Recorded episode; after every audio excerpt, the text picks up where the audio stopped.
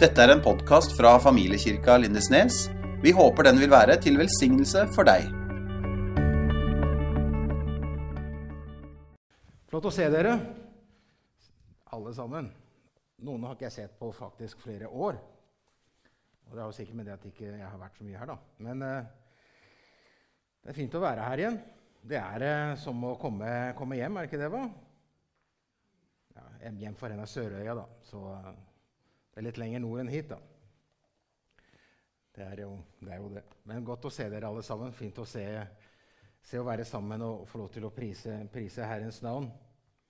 Det er, jo, det er jo Jeg var jo her i juni. Siste møte i juni før, før sommerferie. Og da fikk jeg sagt litt om Brasil. Og jeg skal si litt om det.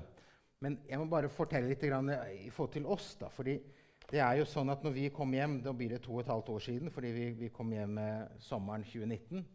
Og Poenget da var at vi skulle være hjemme, og så skulle jeg da reise tre ganger i året til Brasil og så holde på med det prosjektet i forhold til menighetsplanting, med, med teltmøtene, og, og, så har vi Daghjemmet Nytt Håp. da.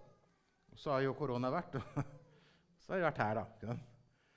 Og det å reise rundt som predikant under koronatid det er faktisk litt vanskelig. Det prøvde vi her òg.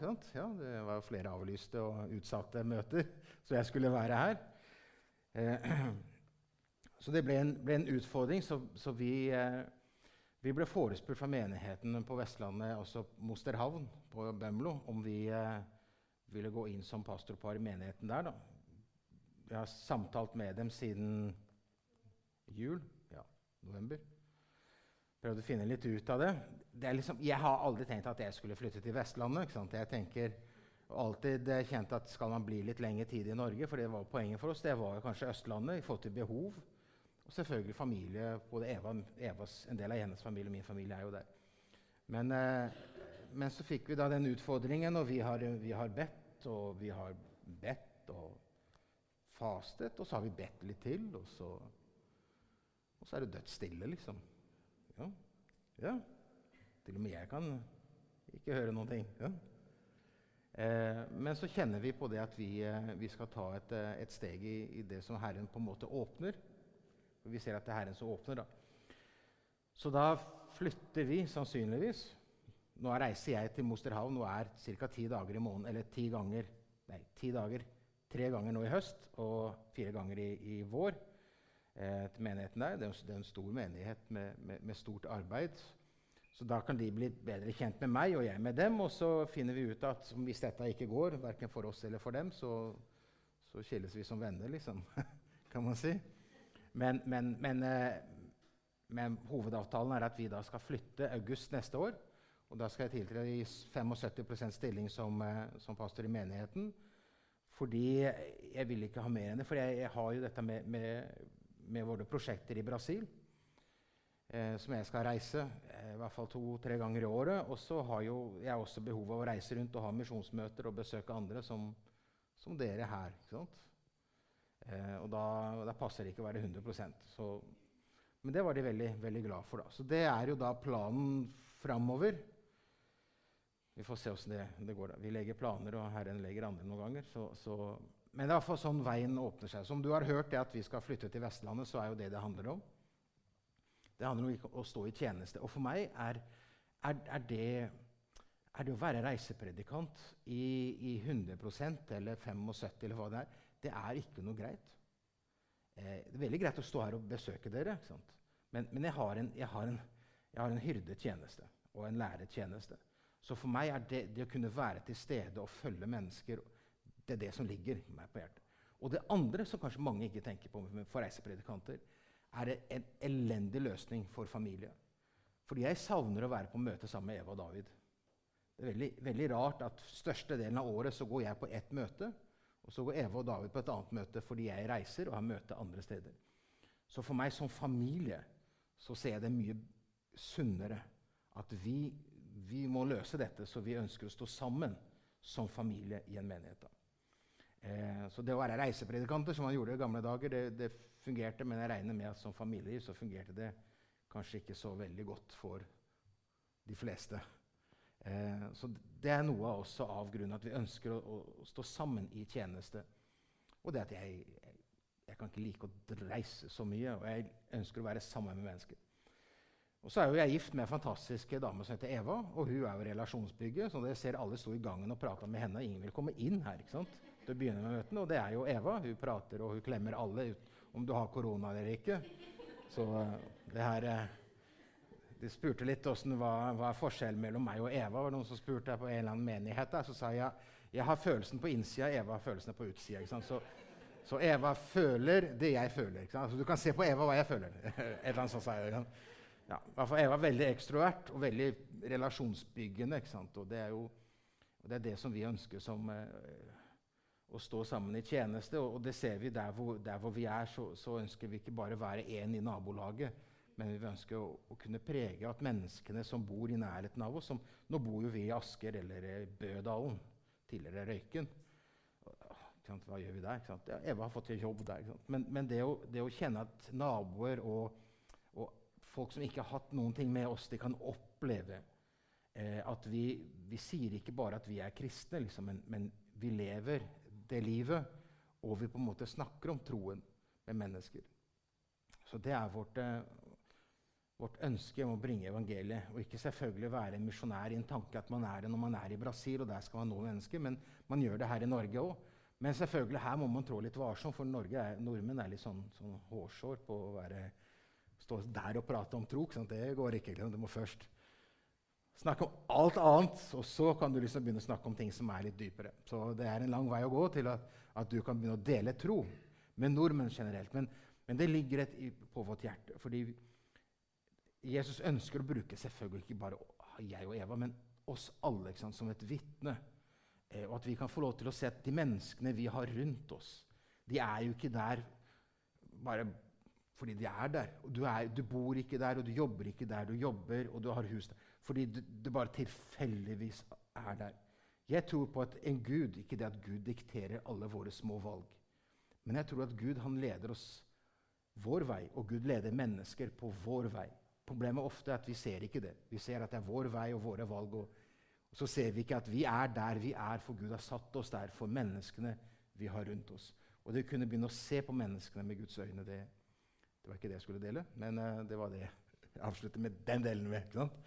Eh, så, det er en utfordring. Det er en utfordring for oss òg. Det, det, å liksom kunne få lov til å være på hele tida og si at ja, Herre, vi er der vi er, og vi, er, vi bor der vi bor. Ikke bare tilfeldig fordi det er, liksom, det er den tida det er, liksom, men, men, fordi Herren han, han, vil eh, på en måte bruke oss eh, der vi er. Eh, jeg skal prøve å dele tida mi her, selvfølgelig, og være litt kort på, i forhold til det med, med misjon. Men jeg tenkte jeg skulle bare si litt. Grann, om, eh, om, misjon og, eh, om misjonsarbeid. Bare kobla på her. Er det, der er det, ja. Se. Hvorfor Se om vi får det og, eh, og, si litt om hva som skjer i Brasil. fordi det er klart at når vi er, eh, når vi er i Norge, så er det liksom Ikke det at jeg tror at ting faller sammen, for vi er her. Men, men det, er, det, er, noe fantastisk å kunne se at, at om, om, det er korona for dem du kan snakke om korona over hele verden, for alle vet hvem det er. Og alle er berørt av det. Men du ser hvordan Gud han arbeider midt i en tid der alle er i krise, der du ikke kan få lov til å være mer enn ti eller tolv stykker samla. Så gjør Gud noe for det. ikke sant? Fordi det er jo hans misjon, det er hans verk. Og han, han har interesse av å frelse mennesker, av å tale til mennesker. Eh, så dette viste jeg forrige gang jeg var her i juni. ikke sant? Menighetsplanting i Porto de Galinha syd for Recife. Det er jo i full gang med masker og alt det som er. Og avstand har de ikke, for de har maske, selvfølgelig. Ja. Men, men, hvordan den menigheten med han evangelisten Marcelo hvordan det i dag er Ikke 100% selvstendig sånn økonomisk, men nesten. sånn sett Vi støtter jo han eh, fra Misjonskassa. Og det er jo fantastisk å se hva som skjer der. Og så er det et annet arbeid som ikke har vist så mye av, som vi også støtter. En som heter, heter Adelson Ocaccia. Det er Arco Verde. Det er jo nedlagt restaurant pga. korona, så da leier de som lokale. Det er greit med nedlagte ting, for da kan du bruke det som menighetslokale. Han eh, er med en del av menighetsplanting i lokalområdet der, og i menigheten der. Han er Nå kan ikke jeg disse gradene på taekwondo, men han har noe mestergreier. Så han har starta taekwondo-skole for å uh, nå folk. Så Morten, et, et, godt forslag for å nå mennesker. Ja, taekwondo. Ja, ikke sant? Du har belte, ja? ja. Så det er, liksom, det er liksom ikke helt man tenker på at ja, man skal drive og slå folk for å bygge relasjoner. Men Nei, trenger ikke det, selvfølgelig. Men, men det, er, det er dette å nå mennesker. Og når du flytter til et helt nytt område, så hvis ikke du kjenner noen, så, så må du, du må bygge relasjoner. Du må være med i ting for å bli kjent. Så alt målet som du har med alt det du gjør, butikken du går i, der du bor det du, Alt har som mål at du skal bygge relasjoner med de menneskene i menighetsplanting. Og det er klart at de er det, og distriktet ser sånn ut. Veldig frodig, som du ser. Der er ikke det resterende av Amazonas, som dere svarte på. Sant? Der er ikke den 60 av Amazonas. Der er innlandet av, eh, av Nordøst-Brasil, med tørkeområde. Og det er jo da på husbesøk. Det er litt langt unna forskjellig, med 40 og 45 varmegrader. Men, men det er eh, et, et, fantastisk område. Men husmøter er jo måten man har løst dette på. Man nabolaget, en som har kommet til tro, så inviterer han naboene sine og sier at kan ikke dere komme, så kommer en annen kristen og skal be litt og fortelle litt, og så kommer folk. Da. Så, så kontakten er jo annerledes med brasilianere enn nordmenn. Ikke sant? Du endelig får noen hjemme hos deg til å komme på, på en husmøte. Det er jo liksom, det er liksom nesten frelst. da, ikke sant? Har du kommet inn da? Ikke sant? Fordi det er liksom, terskelen er så stor. Mens der er terskelen veldig lite. fordi det er et, Brasilianerne forholder seg til det med tro som ikke er en privat sak, men en offentlig sak. De snakker om tro uansett.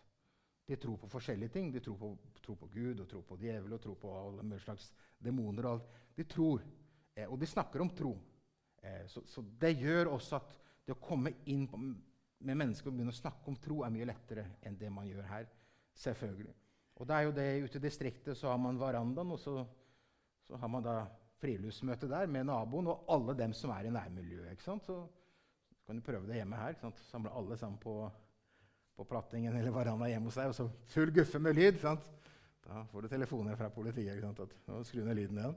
Men dette, dette, har fungert, og folk har blitt frelst under koronatid. Midt oppi den pandemien som har vært der.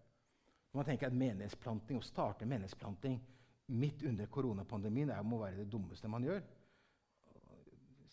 Helt riktig. Men, men så viser Gud at når Gud får lov til å lede, så viser Gud at Gud er ikke begrenset av, av, restriksjoner av hva vi kan og ikke kan, eller hva som er farlig og ikke farlig. Gud viser at det er mitt arbeid. Jeg driver ut mine arbeidere til min høst. Og så gjør Gud det underet at i det som ser umulig ut, så blir det virkelighet. For i menighet vi er, vi er hans arbeid. Altså, vi er et resultat av det Gud gjør. Og Det er det som er fantastisk å se. ikke sant? Som vi er i Norge, og ting skjer og få se hvordan Gud han gjør ting der, på tross av alt det som skulle være helt umulig og håpløst. Jeg tror jeg viste dette bildet forrige gang sant? jeg var her i juni. fordi han går jo rundt, da, og så kan han ikke komme inn til folk. selvfølgelig ikke. Sånn, der klapper man, Han banker ikke på døra, han klapper og spør om det er noen hjemme. Og så sier ja, er det noen syke her. Ja, kan jeg få lov til å be for dere? Ja. Så kommer mor og far og bestefar og, og barnebarn. Det er storfamilien. Kommer ut til døra, så står de der. Så står han på utsida og ber for huset og hjem og leser et bibelvers. Og så driver de og deler ut mat. Og så har folk blitt frelst gjennom dette. Og Gud har helbredet mennesker og legt mennesker midt oppi, oppi dette her. Ganske fremodig. Ja. Jeg veit ikke åssen det er. Kan ikke tenke å fungere det sånn i Norge. Det blir, her blir det motsatt, liksom. Men, men, men, men man ser samtidig hvor fantastisk det er at når mennesker er åpne eh, hvor mye de får, får del i. Og du ser at jo mer menneskene, jo mer lukka vi er, jo mindre får vi ut av det Gud vil gjennom våre liv og for våre liv. Det gjelder både som troende og ikke-troende. Ikke eh, så det er menighetsplanting i Alcoverde, og nå er, begynner de i en annen by som heter Sehataliada, som har 80 000 innbyggere med 1% evangeliske kristne. Eh, og der eh, blir det en utpost av dette her igjen. da. Så der skulle han også starte taekwondo-skole. Ja da, det er veldig greit. Han er mester i en greie. Men, men eh, det er en ting hvordan han gjør det, men, men dette med, med, å se hvordan Gud gjør det midt oppi dette, er jo fantastisk. Så dette er jo da, dette er det vi er med på å støtte mens vi er i Norge. Da, dette evangelistarbeidet, evangelistene. Og dette med teltmøte har jo ikke hatt sjans, fordi vi har ikke kunnet reise ned, og uansett kan vi ikke ha teltmøte ved å samle ti stykker. Det er jo liksom Eh, men nå håper vi da at i løpet av dette nyåret som vi kommer, at ting skal roe seg litt ned og bli mer normalt. Jeg skal få reise ned til påska, og, og så skal jeg reise ned første helg i januar, fordi da blir det innvielse av daghjemmet, Nytt Håp. Etter mange år. ikke sant? Vi kan snakke om tiår. eh, og det er jo det neste her, da. Bare fortelle fort om Acene heter det i Brasil. Veldig enkelt heter det Apoio Socio-Educativo Nova Esperanza sosioedukativ, blir det, sosial og uh, undervisende. Sånn så det ut eh, til å begynne med i, i fjor, og så, eh, nå så det sånn i sommer. Og sånn håper vi det skal se ut nå ganske straks. Ja. Nå gikk jeg veldig fort. Ja, jeg kan gå litt tilbake sånn, da. det er ingen isolasjon, som dere ser. Ja. Å bygge er mye enklere. Men for oss det underet, og jeg nevnte det i juni For oss det underet er jo det at altså har, Dere har jo hørt mas på dette at vi har ønska å bygge, og problemer med eiendommen, ikke få papirer, ikke få dokumenter. Vi har holdt på med dette siden 2013. Og så har vi ikke hatt ikke ting gått igjennom, og så har ikke vi smørt kommunen med penger for å, få, for å få dette til. Av en eller annen grunn så har akkurat daghjemmet har vært et en vanvittig vanskelig greie. Og for meg da å reise rundt og komme hjem til Norge, som gjorde det annethvert år, og komme og så, ja, gå med nytt håp, da, så var det ja, ikke sant? Så var det liksom, ja, vi trenger penger, men hakk i plata var det. ikke sant? Fordi vi, vi liksom var aldri, aldri, i gang med å, med å, fortelle at vi kunne begynne å bygge. Eh, så det har jo vært et kjempeproblem. Og så skjer det da midt under den koronatiden at da jeg ikke kan få lov til å reise rundt og ha møter, og ikke kan reise ut til Brasil, så klarer man å samle inn eller få inn til sammen 1,7 millioner kroner til bygget. På en eh, helt, Jeg vet ikke. Det er som om Gud sier, Geir, det er meg det handler om, ikke deg. Det, det er mitt arbeid. Det står ikke og faller på deg, Geir. Når jeg sier 'gå', så, så, så skjer det. Det er som om Gud minner meg på at okay, det er hans, hans arbeid. Og plutselig da, så står vi der og begynner å bygge og er helt i gang der og full gang og står med masse problemer av andre ting. Men, men det, det, er positivt i det, liksom. Eh, og, og i, i, dette da håper vi da at det blir en innvielse nå. Eh, men det, er, det, har skjedd en stor tragedie midt oppi dette pandemien. og jeg nevnte litt grann. Altså, Skolene ble nedstengt i mars i fjor. altså Skoleåret i Brasil er fra februar til uh, slutten av desember. Så skoleåret er et år. Det går ikke over, over vinter, sånn som her. Så det som skjer da er at Når skolen ble stengt ned i mars, så har barneskolene i den kommunen som vi har bodd i, Shabatao, i Veresif, har ikke åpna før nå. Dvs. Si to skoleår av det offentlige. Privatskolene har hatt fjernundervisning, og hvis du går på privatskole, så har du gjerne en PC, du har foreldre som kan noe. Men de fattige de sender jo barna sine på det offentlige skole. Og de kan ofte ikke hjelpe barna sine. Og det har vært fjernundervisning fra det offentlige skole. Hjemmelekser og oppgaver. Men som jeg har sagt en gang til her, altså, Brasiliansk skole er, et, er, et, er, jo beinhardt med en gang. Altså, når David gikk på skole, så hadde han eksamener i første klasse. Fire eksamener i året i alle faga. Eh, og han skulle klare et snitt på syv på alle faga for å kunne gå videre neste år. Eller måtte han ta med seg ett fag som han var dårlig, i andre klasse. Og, og, og, matten er jo hele gangetabellen framme i første klasse nesten. Altså du er, du er der ikke sant, med en gang. Og, du, og, når du begynner i tredje klasse, så var det allerede kvadrat og roten av ting.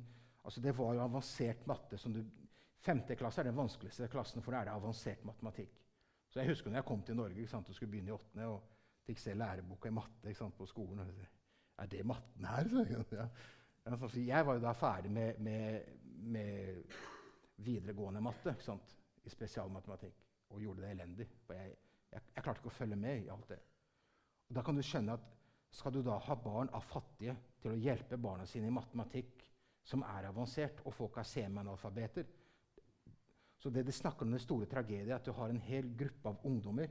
For der kan du droppe, altså Det er skolepliktig fram til 5. klasse. Så det en, en stor gruppe av, av, ungdom som bare dropper ut av skolen neste år. når de begynner i 5. For da kan de droppe ut av skolen, for, for de klarer ikke lenger. Og de blir resten av sitt liv nederst på rangstiden. De blir gatefeiere, de blir dem som ikke kan lese og skrive ordentlig, men som har de dårligste jobbene, og som alltid vil leve i fattigdom. Det er en stor tragedie som skjer i Brasil som resultat av alt dette med korona. For de har ikke klart å håndtere dette. Og i den kommunen som, eh, som vi har prosjektet, har det verste kommunen nesten, fordi de har jo ikke gjenåpna noen ting før nå. Eh, og noen mener det er et sånt politisk pengespill, fordi de får jo penger fra staten når ikke skolen er i gang. Så jeg tenker at de, de holder på å bygge opp kassa i kommunen for å holde igjen pengene til seg sjøl, og så starte opp igjen.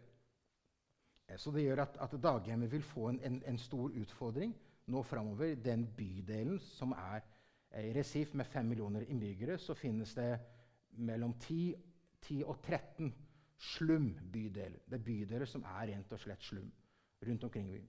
Mellom 12 og 13. Og der bor det ja, fra 50 til 150 000 mennesker ja, tett oppi hverandre. Og av de så er det, alle de slummene så er det over 1000 barn som lever i ekstrem risiko. Og det er de fattigste. Og så er det mange i mellomklassen som har blitt fattige pga. alt dette. Så det er, det er en stor tragedie som utspiller seg i Brasil akkurat nå. Eh, og økonomisk så er det jo helt, helt, krise. Så det er veldig vanskelig og rart å, å, å sitte på nyhetssendinger og se ting som skjer i Brasil, hvor de har egentlig alltid trenger velstandsmessig av mineraler og, og jordbruks og alt det som vi trenger. Men, men de klarer ikke å, å, organisere seg på en slik måte at dette blir produktivt for hele samfunnet. Korrupsjon har jo en stor skyld i det, selvfølgelig. Eh, så har man hatt en Bolsonaro. så var Noen som var i gruppa her med Bolsonaro, så jeg. Så han har ikke vært så veldig positiv for landet. for å si det sånn. Istedenfor å samle så har han splitta og har vært, har vært veldig, veldig, tøft sånn sett. da. Eh, jeg må Kort, se. Ok. Så det de har drevet med, de har drevet med matutdeling til familiene. Eh, og som jeg sa, hjemmeskole med fjernundervisning. Her var det under OL. altså De skulle ha litt sånn forskjellige OL-grener, så derfor har de boksehansker på. Eh, og sånn forskjellig, så De skulle lage oppgaver. Så kommer lærerne en gang i uka fra prosjektet og besøker dem. Besøker familien. Og så tenker du, Hva skal de med skole når det er barn før førskolealder? For det er det de er. Fra tre til seks år. Og det er fordi barna skal kunne en del ting før de begynner på skolen. De skal kunne Eh, de skal kunne pluss og minus, de skal kunne telle til i hvert fall 50 eller noe sånt noe, og de skal kunne eh, lese og skrive til en viss grad. Så alt dette må de ha før de begynner på skolen. Da blir jo da oppgaven nytt håp. da. Det blir som en, en undervisning i dette her. For noen er dette veldig interessant, og for andre er det bare ok, ja, cool. neste sak. Ja. Men det, det, er en stor utfordring. Så du kan være glad for, du som er uh, ungdom eller barn og i Norge, bor i Norge, jeg kan si stort sett i resten av verden, så er det beintøft å gå på skole. Du slutter å være barn når du begynner på, på skolen. Så er det bruktbutikk som de har starta, så nå skal vi se om vi får til å kjøpe en container som de skal gjøre om til en butikk, en bruktbutikk. Det er litt slummen, der, fordi de vil gjerne prøve å få dette økonomisk til å gå. Og det er en stor utfordring for, den, for dem til å bli mer selvstendig økonomisk. Eh, og der har kommunen sagt at de, bare de får papirene godkjent, som, som, det det skal være, som det prosjektet i dag, med bygget og Så skal, kan de få lov til å søke næringslivet om støtte. Næringslivet kan gi penger og få fradrag i skatt. Men kommunen har sagt at det vil ta minst ett år før dere får godkjent dette. da. Og som jeg kjenner den kommunen, så ønsker de gjerne litt, sånn, litt smøring i prosessen. Og vi har aldri tatt del i det, så vi får se. Kanskje Gud, vi trenger Gud denne gang sier vet du hva, nå skal jeg gjøre det igjen. det går etter min måte. Så det er en utfordring for alt som er av, av sosialt arbeid i misjon, om det gjelder De frie, pinsen, Misjonssambandet eller hvem det er som historisk har drevet sosialt arbeid i Afrika, Asia, så er dette til å få det sosiale arbeidet til å bli selvstendig økonomisk er det en enormt stor utfordring. At det kan få ankerfeste lokalt og klare å stå støtt lokalt. Det er en, jeg har jobbet, dere har hørt, jeg har mast på dette flere ganger. og det har vært Vårt mål var at bygget skulle stå med 60% penger fra Brasil og 40 fra Norge. Og nå står det der med 99% fra Norge. ikke sant? Ja, Så det, det, er en stor utfordring. Og vår bønn er jo dette at vi skal klare å jobbe inn i dette. Vi har, en, vi har et styre i Brasil som er kjempebrennende for som har i dette byggeprosessen, siden vi har vært i Norge, så har de har gått etter for å bygge dette bygget og gjort ting. Så, så de har fått eierskap i dette prater jeg veldig mye her. Beklager. Det var den korte tida. Så sånn er jo hverdagen for barna også, med maske. Ja. Dette her var eh, i vår, da de kunne få lov til å samle seg, og så ble det plutselig ikke lov igjen. Så da fikk de en gruppebilde med noen av dem. Eh, der de fikk også noen, noen presanger som hadde med, med jula i fjor. da.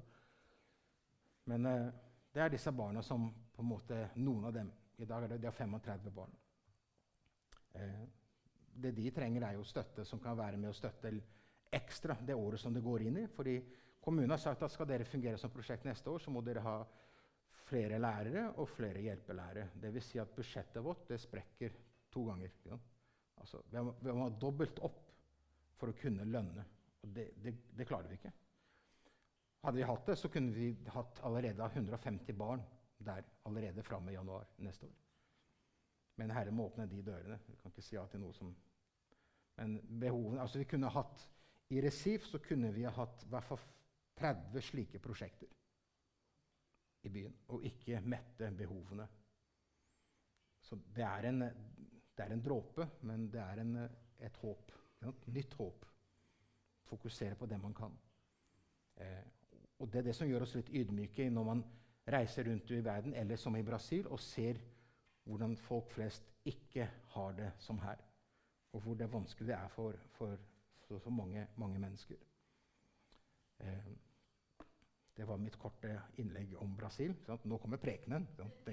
Yeah, ikke sant? Nå, dette gleder jeg meg til. ikke sant? For predikanter holder aldri ord. de, har, de, har, ønsketenkning når det gjelder tid.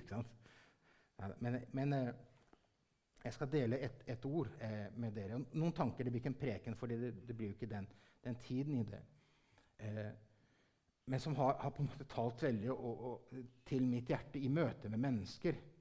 Som vi møter i Brasil. Sant? Altså Unge folk som sier ja, jeg, jeg, jeg gir opp all av av min karriere å gjerne reise og plante menighet ute i, ut i ødeområdet. ikke sant? Jeg flytter med hele familien min, og jeg vil gjerne være med og plante. ikke sant? Jeg vil, jeg vil, være der i tjeneste for Gud. Jeg, jeg er ikke interessert i å bygge min karriere. men jeg vil være med. Det er veldig ydmykende å møte mennesker som er villige til å ofre alt. Ikke bare, men for å tjene Gud. Og hva er det som gjør at mennesker er villige til å gi? Av sine planer og sine ideer til Gud og si 'Herre, må det bli din vilje'?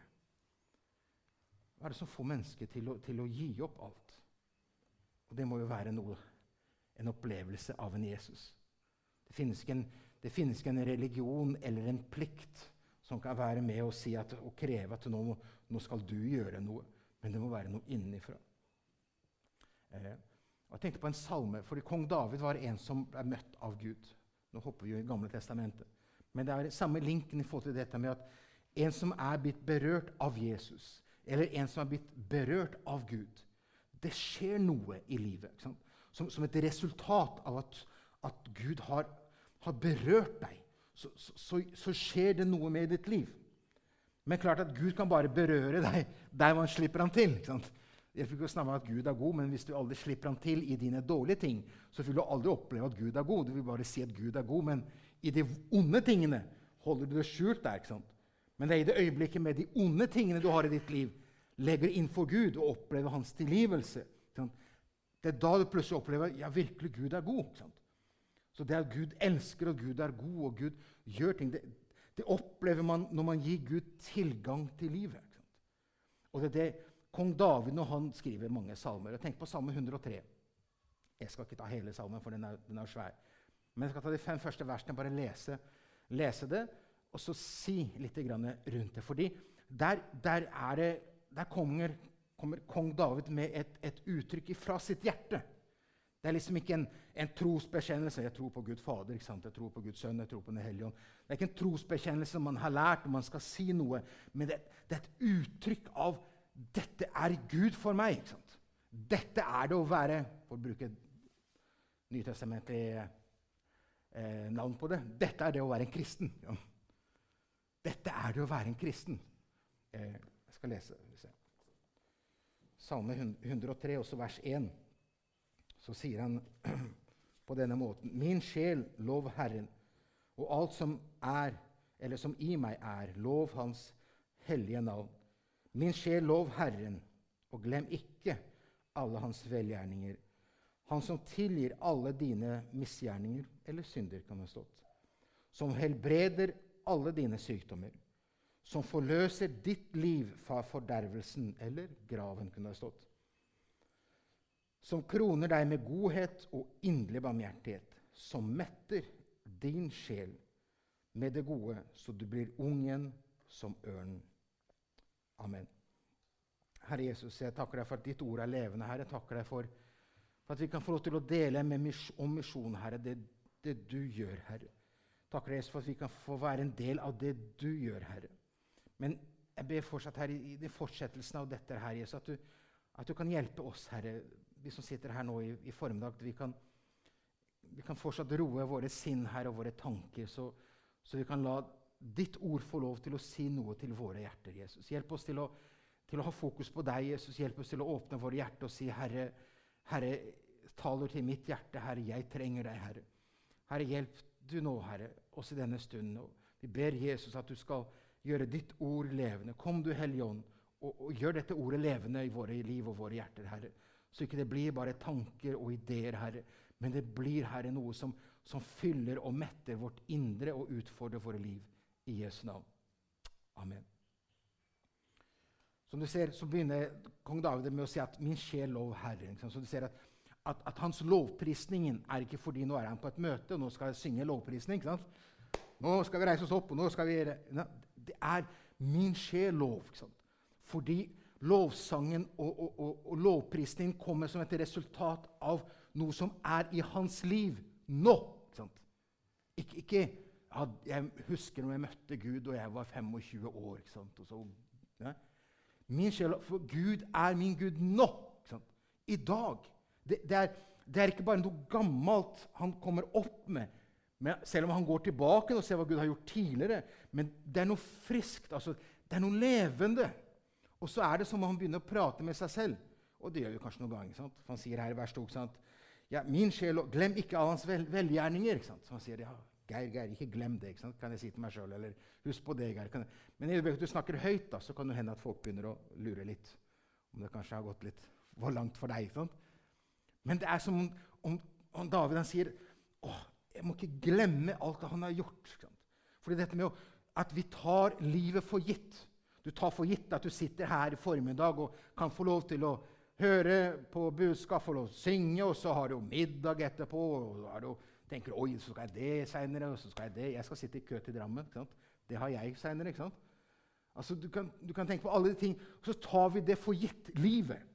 Så forstår vi ikke at hele livet, at du kan få lov til å sitte her, er en Guds gave, er en nåde. Den allmenne nåde. ikke sant? At vi lever, at vi har mat. Det er ikke bare fordi du er kristen, men fordi Gud gir oss alle ting. At du har pensjon, at du har en jobb. Det er Guds gave. Det er ikke fordi du har liksom men Herren gir det. Gir muligheten, gir helse, gir intelligens til at du kan utføre det du skal utføre. Så så, David, altså, jeg må ikke glemme hans velgjerning. Jeg, stod, jeg, sitter her som konge over Israel. Sånn. Hvem var jeg? Jeg var en gjetergutt. Hva var min karriere? Kanskje ha en større flokk av sauer eller kuer eller hva den er. Det var hans karriere. Men så bryter Gud inn i David sitt liv. Så blir karrieren helt annerledes, fordi Gud åpnet en vei for ham. Og det er det kong David sier. Jeg må ikke glemme ikke det Gud har gjort. Og i det så nevner han her i vers 3, 4 og 5 nevner han, han seks velsignelser. Og jeg skal da tenker oi, seks punkter i en preken. Ja? Jeg skal ikke ta seks punkter i en preken, men jeg skal bare nevne det. ikke sant?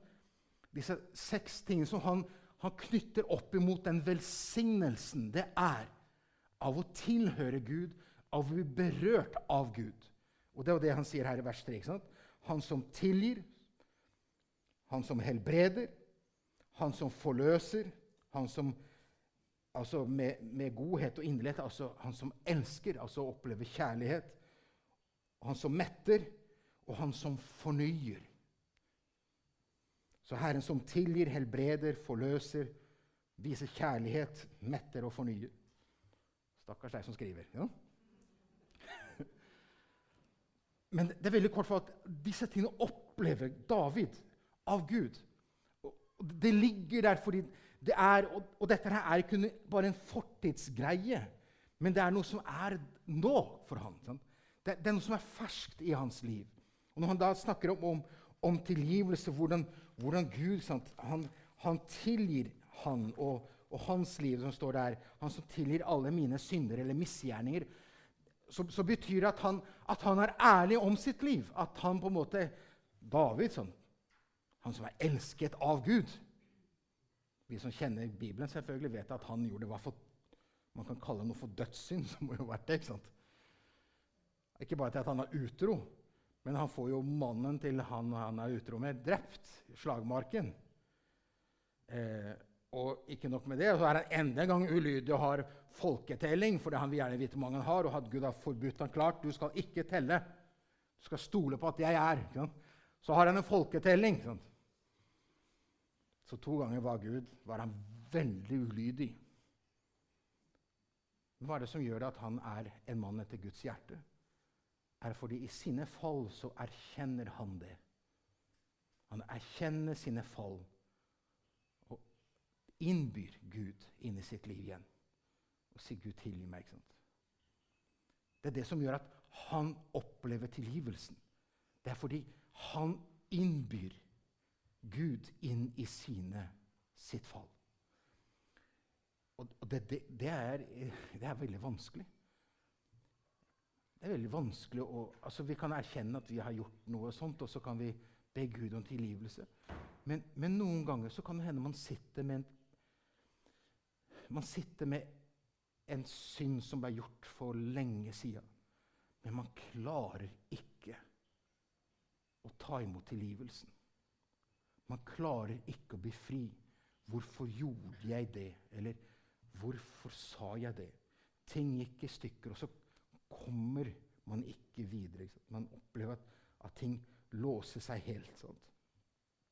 Det interessante ordet her i Gamle Testamentet som brukes her eh, om tilgivelse, som Herren som tilgir Det ordet 'tilgir' det brukes bare eksklusivt om Guds nåde. Tilgivelse knyttet Guds nåde, altså den den, eh, den nåde som, er, som Gud gir av sin handling. Det er aldri brukt om tilgivelse mellom mennesker, dette ordet her. i Gamle Testamentet. Alltid knyttet opp imot Guds nådefulle tilgivelse. Så det selvfølgelig kong David her, her snakker om. Og det da å kunne få lov til å la Herren få lov til å tilgi for noe som har vært, det er, det er dødsvanskelig. Jeg hørte en historie. Nå vet jeg ikke, Det fins sånne pastorhistorier, så man vet ikke om det er helt fargelagt veldig grovt. Men det var en pastor jeg var i Filippinene, og han hadde ei i menigheten som var veldig sånn profetdame som stadig vekk snakka med Gud, og, så, og, som pastoren var litt, sånn, skeptisk på kunne det være sant, for du stadig drømte og sa stadig vekk at jeg, i kveld natt har jeg snakka med Gud. Og, og, alt, og han liksom, ja, ikke sant? Ja, ikke sant? og hadde alltid et eller annet greie.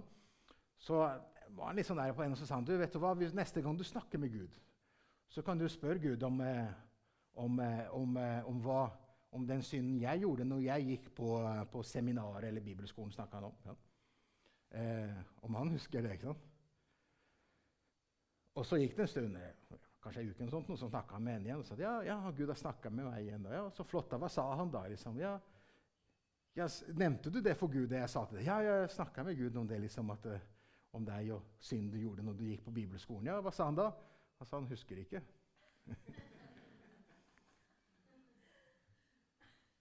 Så Derfor vet jeg ikke om det helt er sant. Hele historien. Men det hun sa, var jo sant. Fordi Gud forholder, deg, forholder seg til din synd med Jesus. Han har forsonet all din synd. Derfor er det ingen fordømmelse for den som er i Kristus Jesus. Derfor. Og Det er det kong David snakker om her i den salme 103. Hvis du ser seinere her i vers, i vers, vers 12 Eller jeg kan lese fra vers 9, så står det Han anklager ikke alltid, eller for alltid, og holder ikke fast på sin vrede for alltid. Altså, han gjør ikke igjen med oss etter våre synder, og han gjengjelder ikke oss etter våre våre misgjerninger. Og så sier han, for så høyt som himmelen er over jorden, så stor er Hans nåde mot oss. eller mot den som frykter han, står det her. Så langt som øst er fra vest, har han tatt våre overtredelser bort fra oss. Han prøver å bruke de begrepene han kan. Det han ser, himmelen og jord. Det han ser horisonten. jeg vet ikke hva øst og vest her er, men si det. Han, han, bruker det han har, som mål for å vise at, at det, dette er hva Gud gjør. Han tar bort våre misgjerninger. Han tar bort vår skyld. Og det er det som gjør at, at kong David kan lovprise Gud. For han har opplevd det. Han har opplevd Guds tilgivende kraft, som gjør at min sjel lov Herren. Så du skjønner at, at Gud ønsker at din lovprisning skal være der. At du skal få lov til å kjenne at det er noe til stede hele tiden. At det ikke er noe bare fortid, men, men, du må gi han tilgang til, til dine ting. Så jeg, tenkte, ja, jeg har ikke så veldig store synder, men, men jeg har jo jeg, Det står ikke noen bekjennelse her. Sånn. Men jeg, jeg, kan være sta. Jeg må si det. Egen. Jeg har veldig klare tanker om hva jeg vil. Og jeg, jeg, har jo mine greier. Og jeg kjemper imot Gud. Jeg er, veldig, jeg er ikke veldig underdanig om Gud hele tida, må jeg virkelig si. Gud han må hele tida liksom minne meg på at Geir, det er jeg som er herre. Det er jeg som vet veien. Og jeg, jeg, jeg, må tilbake til Gud hele tida. Og jeg kjenner Herre, herre tilgi for, for, for, min stahet, for min egenhet, for at, at, jeg tror at jeg vet og kan noe. Herre, herre tilgi meg for at, at ikke jeg ser din storhet. Jeg, klart, jeg møter da, I dette her så, så møter man, man, Guds tilgivelse når man er ærlig og sann om livet og om de ting man sliter med i livet. Så, så blir man møtt av Guds nåde og kjærlighet som gjør at, at plutselig så Der snus lovprisningen. sant? Ja, Tross at Geir er litt sta, og Geir gjør den og den. sant? Det og det, og ikke går den veien, og på en måte de tinga. Så opplever jeg at Gud fortsatt bruker meg. sant? Gud ønsker å bruke meg. Kallet ligger der, og utfordringen ligger der. Og gleden av å lese Guds ord ligger der, og gleden av å, av å tilbe Herren ligger der. Gleden av å tilhøre Jesus ligger der, og gleden av å være Hans er der. ikke sant? Den gleden, lovprisningen som kommer ikke fordi jeg skal, men fordi det er en frukt av at, å bli berørt av Jesus. Men for at, igjen, for at jeg skal oppleve berøringen, så må jeg gi ham tilgang til det jeg ikke vil. Det er da man opplever det. Da er vi snakk om helbredelse. Tilgang til sykdom. Tilgang til vanskelighetene i livet av alt det, av alt det, som, det som er. Der han sier at han, han er den som forløser. Han, på en måte, han, han redder. Redder en ifra graven at vi kristne kan ha en helt annen begravelse. Død, hvor er din brodd? Det å kunne si at møte døden på en helt annen måte enn det som er vår største fiende. Det å si at vårt liv er her, men ikke bare her, men den evig. Det å kunne kjenne på en måte at, at Herren han, og Så lenge du er frisk og har det veldig greit, sant, så er det liksom det med døden er liksom der, ja, det er noe man hører på nyhetene, og det er noe gamle folk opplever og syke.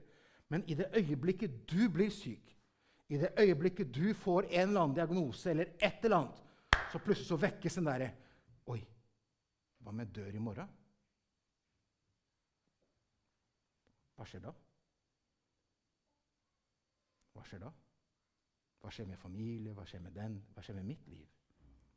Og når ikke du da, hvis ikke du har Gud i livet, så er det helt grusomt. Men når du har Gud i livet, så er det grusomt, men du har noen å legge det inn på. Og si at Herren, han er min redning. Han er min frelser. Han er livet. Som gjør at lovprisningen midt i møtet med død og vanskelighetene kommer opp i våre liv. Så det David snakker om, det er jo døden, det er sykdom. Og helt på avslutningen her så, så sier han her som dette her med at han, han, er den som på en måte metter min sjel. ikke sant? Altså det å være mett. Fordi vi, vi, vi på en måte er sultne etter at ting skal oppleves. Altså, alt av underholdning i vårt samfunn er jo der for å mette. Altså, jeg, opp, jeg, må opp, jeg, må skje noe en dag, jeg må oppleve noe, jeg må mettes. Jeg må kjenne at jeg lever. Jeg, jeg, gjør ting. Det, det, er ikke feil å gjøre ting. Men problemet blir noen ganger at, at vi mettes bare av det, alt det andre rundt oss. At vi, vi jager etter alt det som kan mette, som kan gi meg mål, og hvorfor jeg er her, og den fritida jeg kan ha, eller pensjonstilværelsen, eller Jeg fylles med andre ting for å mette. Og så sier Jesus, som et løfte til deg og meg, der han sier, 'Jeg er livets brød. Den som kommer til meg, skal aldri hungre. Altså, Du skal ikke kjenne behovet av å måtte erstatte Jesus med noe annet for å kjenne at du lever. Men mange ganger så gjør vi det fordi vi er her, vi, er, vi lever med det vi er sammen med. Og så, så blir livet at alt det andre impulsene Og så stenges ting ned, og ting går nedenom og hjem, og så går vi nedenom og hjem og kjenner ja, vi er med sånne tørre greier. ikke sant? Og kjenner ikke, Det pulserer ikke. Det har med det at, at Jesus plutselig har blitt så fjern. Det er ikke det som fyller våre liv. Og Noen ganger vet du hva, så må kanskje Gud kutte våre vinger og kutte våre sikkerhetsnett for å få oss til å våkne opp og si du har ingen kontroll på liv og morgendagen. Det er jeg som har det. For at vi skal gå tilbake til ham og si Herre, jeg må gå til livets kilde. Så, så det gir meg liv så jeg kan møte utfordringene sånn som han er. Så når folk opplever Geir Standal, så opplever de en Geir som er annerledes, ikke fordi han er kristen eller misjonær, men fordi han har noe inni seg som lever. Det, det, er mitt, det er min bønn til Gud. La det leve, Herre. Ikke la jeg bli vant med å bare være en kristen og liksom, ja, jeg prøver så godt jeg kan. Men Herre, Herre, jeg ønsker at det skal være lovsangen her. Men da må jeg invitere Jesus inn. Ikke sant? Så Jesus, jeg blir mett av så masse andre ting. Jeg har så vidt tid til å be, Herre. Jeg har så vidt tid til å gå på møte eller lese ditt ord. Jeg har så vidt tid til å bruke tid på deg. Og erkjenner kjenner det, Herre, jeg bruker minimal tid med deg i forhold til alt det jeg gjør. Først jeg gjør på morgenen, skru og se på Facebook. et eller annet. Først jeg gjør på morgenen, er jo gjøre alt annet. Og så er det, å, jeg kanskje må be i dag, for i dag er søndag. Og erkjenner det, herre, herre, jeg har bare fokusert på meg og det som jeg tror metter meg. Men, men jeg lever etter jag, etter å bli tilfredsstilt av alt andre. Herre, jeg trenger på ny å bli mettet av livets brød. Som gjør at jeg er mett om alt stenges ned. Jeg er mett, og jeg er full av liv om alt er vanskelig. Jeg kjenner det kommer her. Ikke en maske. Men det kommer her fordi man opplever Man inviterer Jesus inn i vår sårhet, inn i vår avhengighet, inn i vår erkjennelse av hvordan vi er. For jeg må si at det, det er veldig ydmykende. Dere har vært her, dere har sikkert vært nede i, i, i Romania. må ta kartet nedover. Dere har vært sikkert i andre land. Noen har vært i Argentina.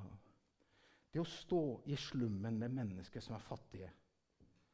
Og så er det, så er det da tid for å gi kollekt. Og mange av dem har ikke penger. I hvert fall ikke vips. Ja. Men hva kommer de?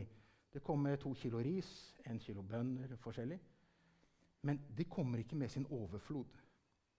For de har kanskje noen, mange av dem hadde oppe i ørkenen der, menigheten, de hadde jo kanskje bare litt mat for den uka så tar de halvparten av det de har for uka, og så bringer de det til menigheten for å gi til dem som har mindre enn dem.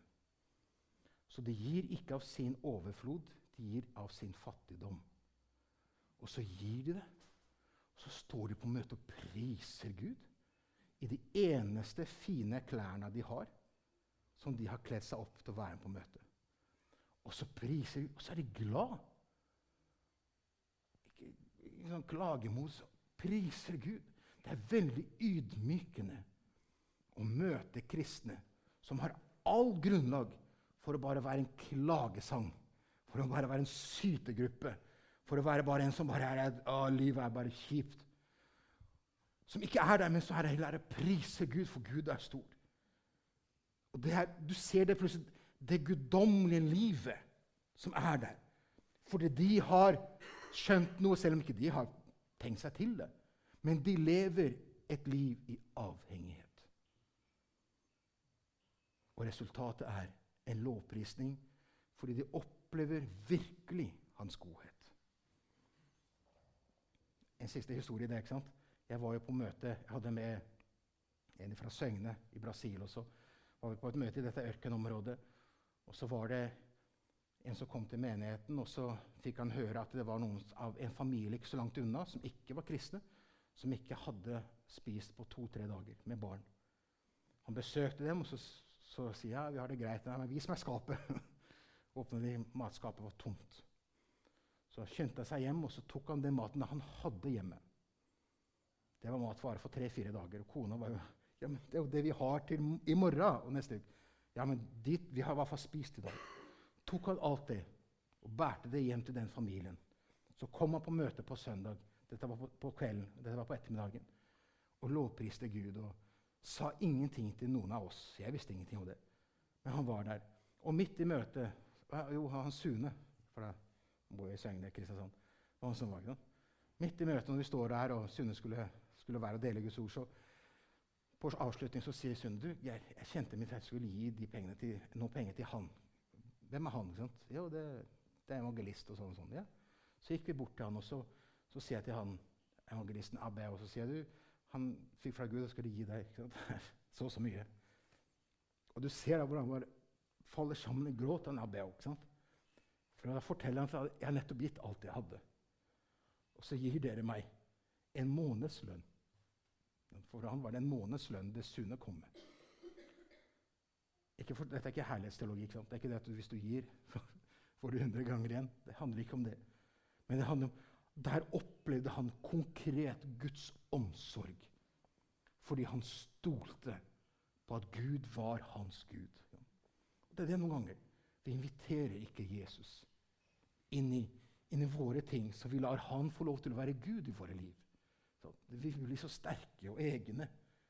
Men vi trenger å invitere han inn i våre ting. Så lovprisningen det, det, kommer her. Jeg vet virkelig at Gud er den som tilgir. Jeg vet virkelig at det er Gud som, som gir det jeg trenger. Derfor min sjel, lov Herren. Og alt som i meg er, lov Hans hellige navn. Da blir det ikke noe du bare sier, men, men det er noe her.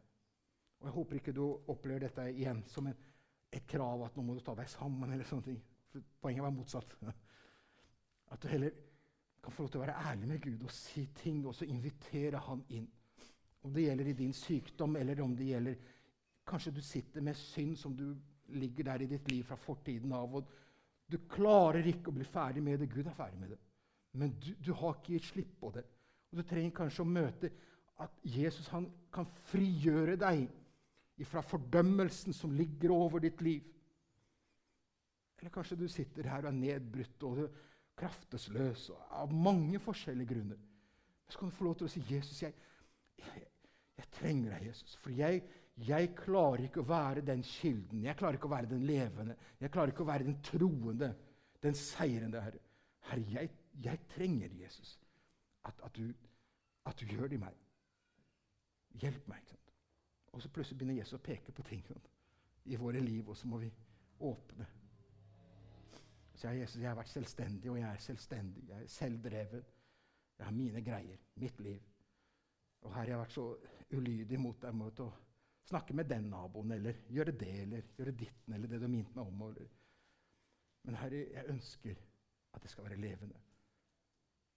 Så vil du oppleve at det å være ærlig med Jesus er jo det som føder fram en opplevelse av hans godhet. Så du vil aldri oppleve Guds godhet hvis du aldri er ærlig. For det vil bare bli en bekjennelse.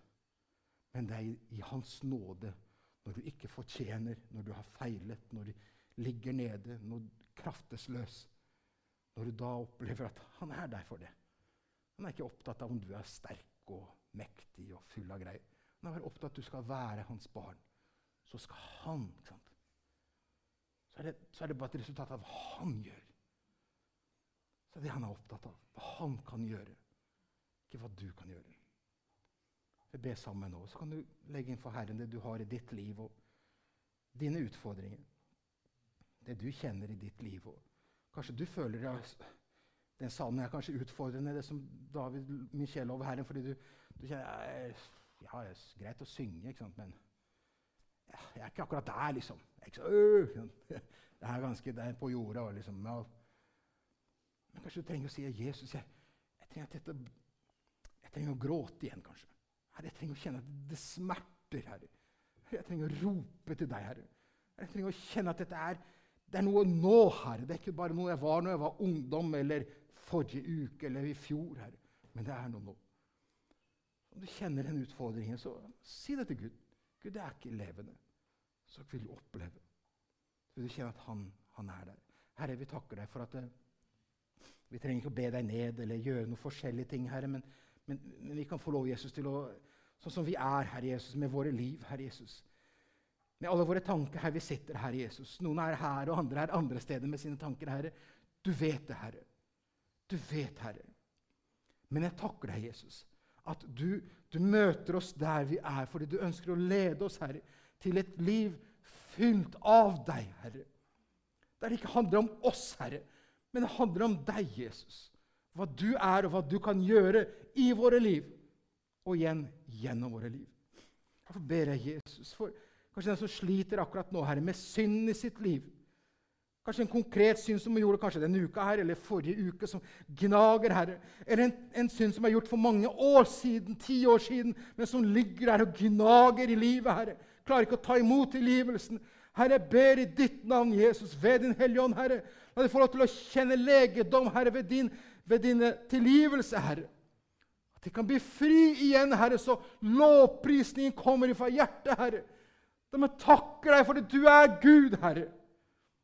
Jeg ber Jesus for den som har blitt stille i sitt indre, Herre Jesus. Kraftløs og livløs av, av mange grunner, Herre. Men du kjenner hvordan vi har det, Herre. Nå ber jeg Jesus, hjelp du, Herre. Hver eneste Hjelp oss, Herre. Om du står her på døren og banker, Herre, hjelp oss å invitere deg inn med denne relasjonen, Herre. Så du kan få tilgang, Herre Jesus, i det som er vanskelig i våre liv. Eller i vår stahet, Herre Jesus. I vår stolthet, Herre Jesus. Hjelp oss til å gi deg tilgang, Herre, så vi kan få lov til å bli møtt igjen og igjen av din, av din miskunnhet, av din barmhjertighet, av din kjærlighet, av din legedom, Herre, over sykdom, Herre. Og få lov til å kjenne at jeg blir mett, Herre, slik at jeg kan føle meg ung igjen i min sjel, Herre. At jeg kjenner lovprisningen, Herre, som et resultat, Herre. Herre, jeg takker deg, Jesus, for det er slik du ønsker, Herre en relasjon, Herre. Men jeg ber Jesus si ditt navn, Herre, for den som har stengt av sitt hjerte, for den som har stengt av sitt liv, og som sitter her kanskje i formiddag og tenker dette er ikke for meg, og dette er noe for andre. Må du få lov, Jesus, til å mykne opp hjertet, Herre. Til det hjertet også skal få lov til å kjenne at jeg trenger mer av deg, Jesus. Så min lovsang, Herre, er en ektefødt lovsang og lovprisning. Og jeg takker deg, Jesus, at du heller ikke står her med pekefingeren, men du står bare med en åpen arm, Herre. Og ønsker oss velkommen inn, Herre. Det er liv fylt av deg, Jesus. Og jeg priser deg, Herre, ved Den hellige ånd, Herre, at du taler, og at du utfordrer denne stunden, Herre Jesus. At du, du gjør noe i våre liv, Herre. I Jesu navn, Herre. I Jesu navn. Halleluja, Herre